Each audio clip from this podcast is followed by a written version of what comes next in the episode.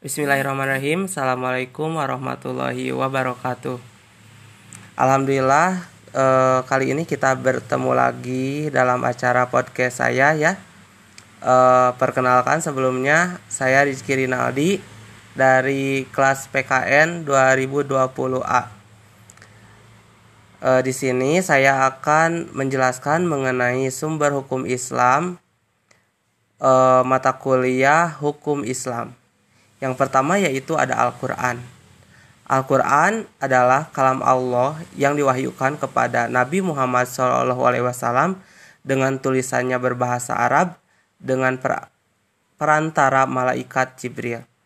Al-Quran juga merupakan hujah atau argumentasi kuat bagi Nabi Muhammad SAW dalam menyampaikan risalah kerasulan dan pedoman hidup bagi manusia serta hukum-hukum yang wajib dilaksanakan. Hal ini untuk mewujudkan kebahagiaan hidup di dunia dan di akhirat serta untuk mendekatkan diri kepada Allah Subhanahu wa taala.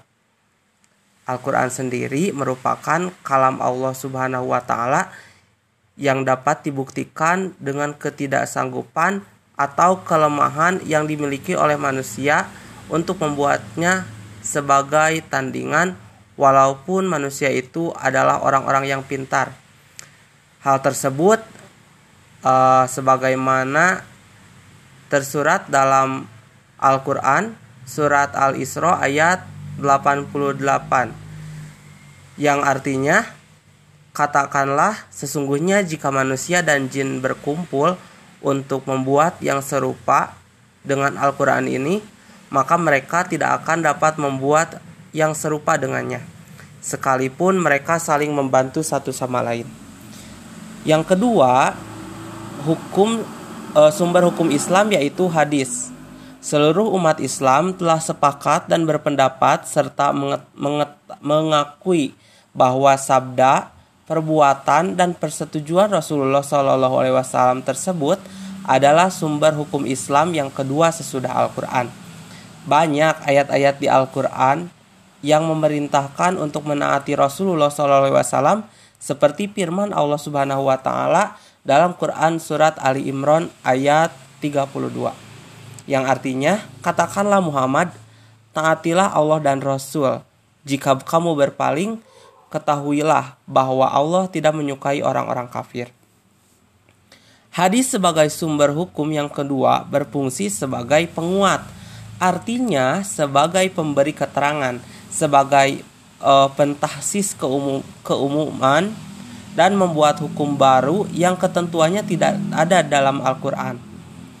Yakni hukum-hukum yang ditetapkan oleh Rasulullah SAW ada kalanya atas petunjuk atau ilham dari Allah Subhanahu wa taala dan ada kalanya berasal dari ijtihad. Yang ketiga, sumber hukum Islam yaitu ijma. Imam Syafi'i memandang ijma sebagai sumber hukum setelah Al-Quran dan Sunnah Rasul. Dalam Morarep atau portal akademik Kementerian Agama yang bertajuk e, Pandangan Imam Syafi'i tentang ijma sebagai sumber penetapan hukum Islam dan relevansinya dengan perkembangan hukum Islam dewasa ini karya Siti Paujia Tunai. Ijma adalah salah satu metode dalam menetapkan hukum atas segala permasalahan yang tidak didapatkan di dalam Al-Quran dan As-Sunnah. Sumber hukum Islam ini melihat berbagai masalah yang timbul di era globalisasi dan peralihan teknologi modern. Yang keempat, sekaligus uh, terakhir, sumber hukum Islam selanjutnya yaitu kias atau analogi. Kias adalah bentuk sistematis dan yang telah berkembang dari Pak Pari Rayu yang memainkan peran yang amat penting. Sebelumnya dalam rangka teori hukum Islam As-Syafi'i, kias menunduki tempat terakhir karena ia memandang kias lebih lemah daripada ijma. Selain dari keempat hukum sumber hukum Islam tersebut, masih banyak sumber-sumber hukum Islam yang masih menjadi perdebatan para ulama. Mungkin itu yang bisa saya sampaikan pada uh, podcast kali ini. Terima kasih atas perhatiannya. Wassalamualaikum warahmatullahi wabarakatuh.